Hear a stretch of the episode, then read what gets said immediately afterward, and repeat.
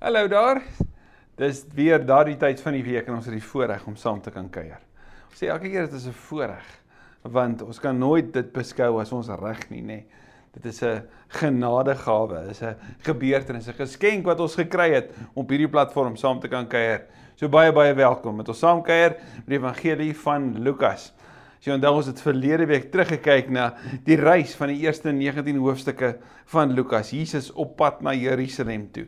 Hierdie heilige week wat opgedaag het. Die vredevors wat op die vredesdier in die stad van vrede opdaag met hierdie woorde terwyl hy huil as die skare juig en sê Hosanna sit Christus aan op die donkie aan die huil. En wat wat bid hy? En wat sê hy? Jerusalem, Jerusalem. As jy maar net sou geweet het wat vir jou vrede nodig is. Vandag kan ek en jy op hierdie dag die vrede wat alle verstand te bowe gaan ook in ons lewe beleef. Want ons vir die vredevors vra om ons te lei vanuit sy woord maar ook vanuit ons eie situasie kom sê Here, maar kom lei my. U wat alles betaal het sodat die vrede kan herstel word tussen my en u dat ek met u 'n verhouding kan hê. So baie baie welkom. Dankie dat jy ingeskakel het en dankie dat jy saam met ons reis ook vandag. Ons bid saam. Here baie dankie baie baie baie dankie dat ons vandag met alles binne in ons na U toe kan draai. U is goed. U is altyd goed. En wat U doen is goed. Al verstaan ons dit nie altyd nie. Ons verstaan nie altyd stilte nie. Ons verstaan nie altyd wanneer U nee sê vir iets wat ons so oortuig is ons nodig het en ons wil hê nie. Ons verstaan nie altyd hoekom hartseer ons by tye so lank raak nie. Wanneer trauma ons tref en ons soms skaakmat voel. So dankie dat jy saam met ons stap. Saam met ons ry, saam met ons beleef. Dankie vir u woord. Dankie Here Jesus dat ons vandag opnuut kan vra kom lei ons, kom openbaar u wil ook hierdeur vir ons mag ons u stem hoor. Vader, ek het ons u kinders kan wees. Dankie dat ons aan U kan behoort. Dat U 'n Vader is wat ons nie in stilte gelos het nie, maar U seun gestuur het sodat ons in Christus kan sien hoe ernstig U oor ons is, oor U wêreld is. Heilige Gees. Dankie dat U die een is wat ons kom vertroos as die trooster, maar dat ons ook weet dat U vir ons intree. Dat U vir my by die naam bid volgens die wil van God, dat U dit ook vandag doen. Ons eer U, drie enige God, vir die voorreg om 'n verhouding met U te mag hê en vir die voorreg om vandag ook hier dit te mag deel, naamlik U woord, U ewige woord, ook vir ons wêreld. In Jesus se naam. Amen. Amen. Ons is by Lukas 20 en ons lees van vers 1 die opskrif, die vraag oor Jesus se gesag. Net so vinnig, die die Vrydag het Jesus in Betanië aangekom. Die Saterdag het hulle die Sabbat gevier. Die Sondag het hy met die vredesdier terwyl Psalm 118 gesing word met die woorde van Sagaria 9 dat dat die die die vredevors die Messias kom op 'n donkie, het hulle gesing Hosanna, hulle klere in die palmtakke wat daar uit Jerigo se wêreld uitgekom het, voor hom gestrooi en aan hom eer gebring. Die maandag het Jesus die tempel ingegaan, die tafels van die geldwisselaars omgegooi en nou is ons by Dinsdag. Lukas se lang deel oor Jesus se lering. So dis 'n lang Dinsdag met baie lering oor die koninkryk van God en vandag staan ons by die eerste deel daarvan stil. Op een van daardie dae op hierdie wyse kom sê Lukas vir ons iets van nog een van die dae wat Christus geleer het. Op een van daardie dae toe Jesus by die tempel besig was om die volk te leer. Nou, nou net voordat ons daar stop, kom ons dis die volgende en dan hulle die evangelie te verkondig. Jesus is op pad kruis toe. Dis binne 'n week waar hy gekruisig gaan word. Waarmee is hy besig? Hy's besig om hulle te leer en met hulle te praat oor die goeie nuus.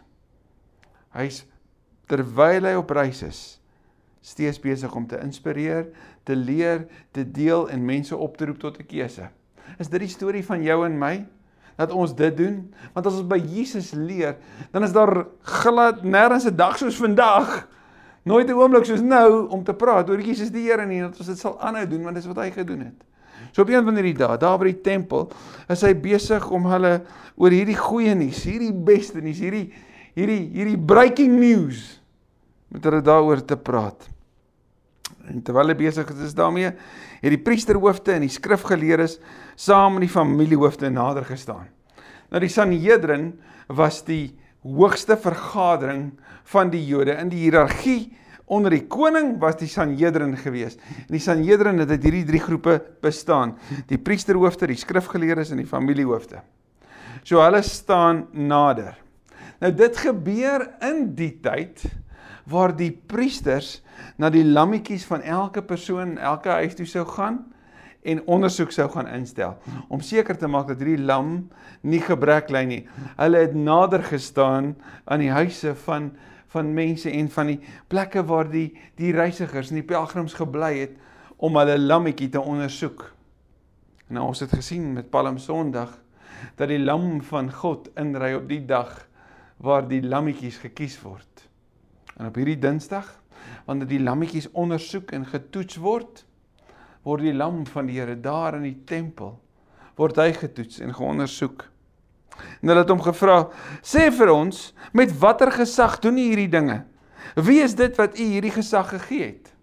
Onmiddellik kom vra hulle vir hierdie seun van 'n skrynwerker daar uit Nasaret se wêreld. "So, waar's jou papiere? Hoe kan jy die mense hier leer?" sien ons is die skrifgeleerdes, die fariseërs, die familiehoofde. Ons het die status en die statuur. Ons het die posisie, ons het die papiere om om op hierdie platform te kan praat oor die Torah en oor die Ou Testament. Maar waar is waar is jou papiere? Namens wie doen jy hierdie? Wie gee jou die reg? So hulle daag Christus se gesag uit en vra vir hom hy moet hulle antwoord. Hierdie Here wat die outeur is van die teks kom vra hulle, maar maar wie gee jou die reg? Sien, hulle het nie verwag dat die seun van 'n skrynwerker met soveel insig en soveel duidelikheid en so 'n radikale boodskap wat die wêreld verander het, dat hy dit sou sou bring nie en hier in die tempel sou verkondig met hierdie massas mense wat om hom vergader het en na hom geluister het nie. Sien, dit was 'n eer posisie, posisie van eer om om by die tempel te kon lering gee. In 'n wêreld van eer en skaamte daag hulle Jesus uit. Onthou, hulle soek nog die heeltyd iets waarmee hulle hom, hom kon vastrek. So hiermee weer eens 'n vraag om hom af te trek, 'n vraag om hom mee vas te trek. En wanneer Jesus antwoord, dan word hy die een wat hulle ondervra. Hy antwoord hulle vraag met 'n vraag. Hy antwoord hulle Ek gaan julle ook iets vra. En julle moet my dan sê. Die doop van Johannes, kom dit van God of van mense af? En Jesus se se vraag is so presies, so spesifiek, want dit moet die die die dwaling in hulle harte ontbloot en dit moet die waarheid oor hom ontbloot. Want sien die die mense van daai tyd, die volk, die Jode, het geglo dat Johannes 'n profeet was wat deur God gestuur is. Is ook so dat Johannes by die openingstoneel van Christus se bediening, by die openbaring van wie hy is. As Lukas sou sê, wie is hierdie man? Begin dit by wat God oor hom sê. En God praat by die doop van Christus deur Johannes. Daar waar Johannes sê, "Maar u moet my doop. Ek ek moet nie u doop nie." Daar waar die Johannes Evangelie vir ons herinner het dat Johannes gesê het, "Maar daar's die lam van God wat die sondes van die wêreld wegneem." Dis hy. Hy is hy moet meer word en ek moet minder word. Dit is by daardie gebeurtenis wat God sê, dis my geliefde seun. Oor hom verheug ek my. So wanneer Jesus daarna verwys, dan staar baie wat rondom dit gebeur het. Die Jode het gekom en en uit 'n 'n nuwe gebaar van toewyding aan die Here het hulle hulle sondes bely en dit het Johannes hulle gedoop. Het hy vir hulle kom sê, "Maar julle is skoon gewas." Die sondaarsdoop van Johannes wat die wat die volk gesien het, wat die Jode gesien het, wat die wat die eenvoudiges gesien het. As 'n gebaar van God se genade en wanneer die Fariseërs dit wil laat doen, dan sê Johannes vir hulle, julle doen dit met valse voorwendsels. Julle wil net deur mense gesien word. Dis nie 'n hartsding nie. As fout. En nou kom vra Jesus oor hierdie Johannes. Hierdie Johannes wat wel bekend was ook onder die Fariseërs, die skrifgeleerdes, die familiehoofde en ja ook oor die, onder Herodes wat later Johannes se dood veroorsaak het. Jesus vra hierdie doop hierdie ge, weet gebaar van hertoewyding aan die Here. Is dit Johannes se idee? Kom dit van mense af of kom dit van God af? Hulle redeneer toe onder mekaar. Nou praat hulle onder mekaar want hulle moet ergens 'n antwoord gee want in 'n wêreld van eer en skaamte is hulle nou in die die mense onder die vergrootglas onder die helder ligte.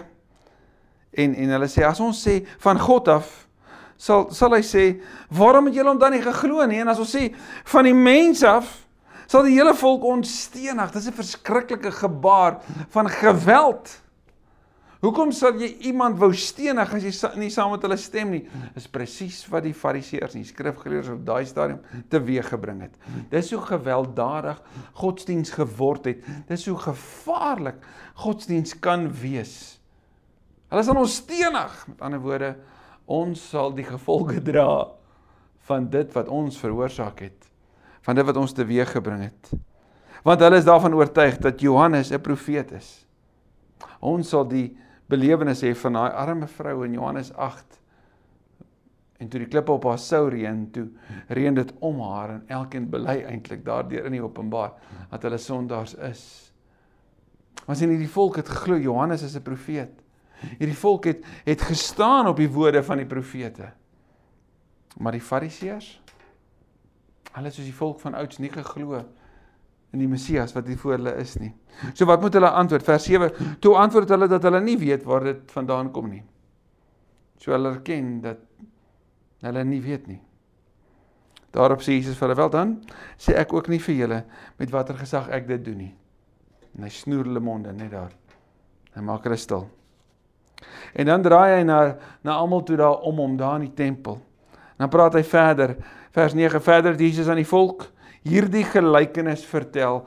'n Gelykenis is altyd 'n storie met 'n boodskap, 'n storie met 'n appel, 'n aktuele beeld uit hulle wêreld uit met 'n dieper boodskap oor die koninkryk. Hy sê daar was 'n man wat 'n wingerd aangeplant het en dit aan boere verhuur het. Nou hierdie woord wingerd sou vir die volk baie diep betekenis gehad het want hulle weet daai uit Psalm 80 en uit Jesaja 5 en uit ander gedeeltes uit Hosea en dis meer word die volk Israel dikwels na na verwys as 'n wingerd. So hierdie wingerd lê naby aan hulle harte.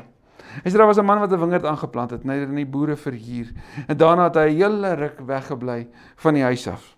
En so beweeg die die seisoen vanaf 'n verhuuring na dis tyd om om dit wat ek van julle vra om my opbrengs in te oefen en en en te eis. Vers 10. En toe die tyd was daarvoor, stuur hy 'n slaaf na die boere toe om sy deel van die wingerd se opbrengs te gaan haal. Maar die boere het die slaaf geslaan en met leehande weggejaag. Die boere het met ander woorde dit wat nie hulle sin is nie as hulle eie beskou. Dit wat 'n voorreg was, het hulle hulle reg gemaak. Hulle posisie van mag gemaak. En eenvoudig na die slaaf teruggestuur. En onmiddellik sou jy vir jouself kon sê, wat mat maak so 'n eienaar? Ek bedoel, wat maak hy met met mense wat wat so wreed was met een van sy slawe? Ek bedoel hy hy moet mos dan sy mag gebruik om hulle plat te druk, nie waar nie? Om hulle gevange te neem. Maar in hierdie storie neem Jesus ons verder want dit vertel van 'n eienaar wat anders is. Die eienaar het weer geprobeer om 'n ander slaaf en 'n ander slaaf gestuur, maar het hierdie een ook geslaan en uitgeskel en met leë hande weggestuur. So die die geweld en die waagmoed in hulle optrede word al hoe meer. En hoe meer wraak daar is, hoe meer waagmoed het hulle om teenoor hierdie eienaar op te tree. Vers 12: Die eienaar het nog 'n keer probeer en 'n derde slaaf gestuur. Hulle het hom geslaan dat die bloed loop en het hom uit die wingerd uitgegooi. Toe sê die eienaar van die wingerd: "Wat moet ek nou doen? Ek sal my geliefde seun stuur. Miskien sal hulle hom ontsien." En onmiddellik sou die lesers hierin hoor: "Hou net vas. Die vraag wat moet jy doen is tog tog 'n 'n 'n duidelikheid.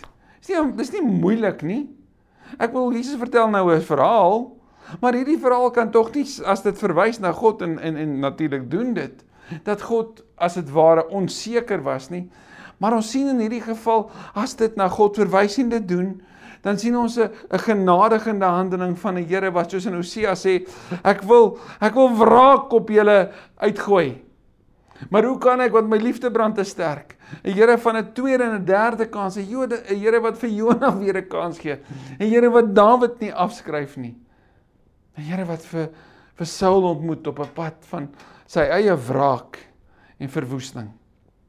'n Here wat weer en weer uitreik. Nie omdat hy nie weet hoe nie, maar omdat sy liefde te sterk brand. Dis die die hart van ons Here as ons hierna kyk en dit lees. Miskien moet ek my eie seun stuur. Miskien sal hulle hom ontsien en onmiddellik sou die skare dink, maar wie doen dit? Hoekom jou eie seun wag? Hoekom jou eie seun stuur? En ons weet mos Johannes 3:16 sê God se liefde vir die wêreld het gemaak dat hy sy seun gegee het sodat daar lewe kan wees as 'n geskenk. Vers 14, maar toe die boere hom sien, het hulle onder mekaar geredeneer. Dis die erfgenaam die. Kom ons slaan hom dood, dan is die erfenis ons in. So ons het nou 'n plek om ons reg en ons mag en ons posisie uit te leef en ons het nou die geleentheid dat as ons die erfgenaam doodmaak, is dit ons in. Tekste en manuskripte jare later vanuit hierdie konteks het vir ons gewys daarop dat dit so was dat in Israel se tyd en Palestina se tyd as 'n heiden grond besit het in Palestina en die heiden dan dood is kon die eerste persoon wat daai grond opgeëis het die eerste Jood wat opgedaag het en gesê het dis myne ek wil dit erf kon hulle die reg gekry het daartoe hulle kon letterlik 'n grondeis ingee en dit dan ontvang al was hulle glad nie 'n erfgenaam van hierdie heiden nie want die Joodse wet van daai tyd het dit toegelaat. So onmiddellik van hy daai wêreld sou die sou die hoorders hoor, maar dit gebeur hier by ons so goed. Hulle wil hom doodmaak want dan gaan hulle die die grond kan kry. En kyk wat maak hulle met die seun. Toe gooi hulle hom uit die wingerd uit en slaan hom dood. Het hom eers uitgevat en daar buite doodgeslaan. En hulle sou dit doen 'n paar dae later daar buitekant op die koppie by Golgotha. Wat sal die eienaar van die wingerd dan met hulle doen? As hulle my seun doodgemaak het. Dan bly die eienaar nie stil nie. sien want die die gevaar van die wraak van die eienaar was nog die heeltyd daar. Maar hy het alles gegee sodat hulle kon betaal wat hulle moes. Hy sal vers 16 kom en daardie boere om die lewe bring. So hy kom self. Hy bring hulle om die lewe En die wingerd vat hy dan en gee dit verander. Hierdie wingerd wat die boere sin was, word nou vreemdelinge sin. Want hulle sal dit beter oppas as wat die boere sou doen. Die wat dit gehoor het sê toe nee, dit moenie gebeur nie. Onmiddellik is my vraag, wat moenie gebeur nie? Moet die seun nie doodgemaak word nie? Moet die grond nie deur hierdie boere wat wat droog gemaak het, wat verkeerd gedoen het, moet moet die grond nie deur hulle opgeëis word nie of moet die grond nie weggegee word vir ander nie. Nou vir die Jode wat geglo het dat die Messias gekom het net vir hulle, sou hulle hierna geluister het, maar hulle sou weet dat dit 'n verwysing is na hulle. Hulle sou weet vir al die fariseërs, die skrifgeleerdes, die familiehoofde, sou weet dat hierdie die verhaal is van die profete wat almal die verwerping van die volk van die konings van die leiers van daai tyd moes beleef aan hulle lywe. Gaan lees maar die profete, jy sal dit sien. Of is hierdie 'n verwysing na na die hartseer van 'n seun wat sy lewe gaan gee? Nee, die Jode se se fokus was ons kan nie dit wat ons in is verloor nie. Want ons is mos God se uitverkore volk. Ons is op pad. Ons gaan gered word. Nie die heidene nie. Jy kan nie tog dit gee in vir die heidene gee nie. Maar dis wat gebeur na die hemelvaart die boodskap van hoop tref die heidense wêreld, die Griekse wêreld en dit ontplof. Mense neem dit aan en hoop word gebring. Maar Jesus het hulle aangekyk. En dan sê hy, wat beteken hierdie skryfwoord dan? Die klip wat deur die bouers afgekeur is, juis hy het die belangrikste klip in die gebou geword.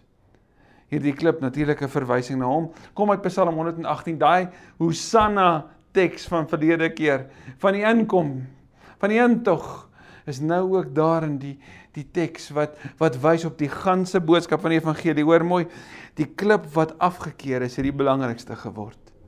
Hierdie boodskap van hoop, hierdie Messias, hierdie non-Messia wat sy lewe gegee het, is die Here En hy's die hoeksteen van sy gebou. Hy's die hoeksteen van dit waarop alles gebou word. Ook die tempel wat ek en jy is. Elkeen wat op hierdie klip val sal verpletter word. Elkeen op wie hy val sal hy vermorsel met die harde boodskap. Hoe jy reageer op die evangelie, hoe jy reageer op die boodskap van Christus, gaan uiteindelik bepaal wat met jou gebeur. Neem jy Jesus aan? Volg jy hom as jou Here? Het jy die ewige lewe as 'n gegewe?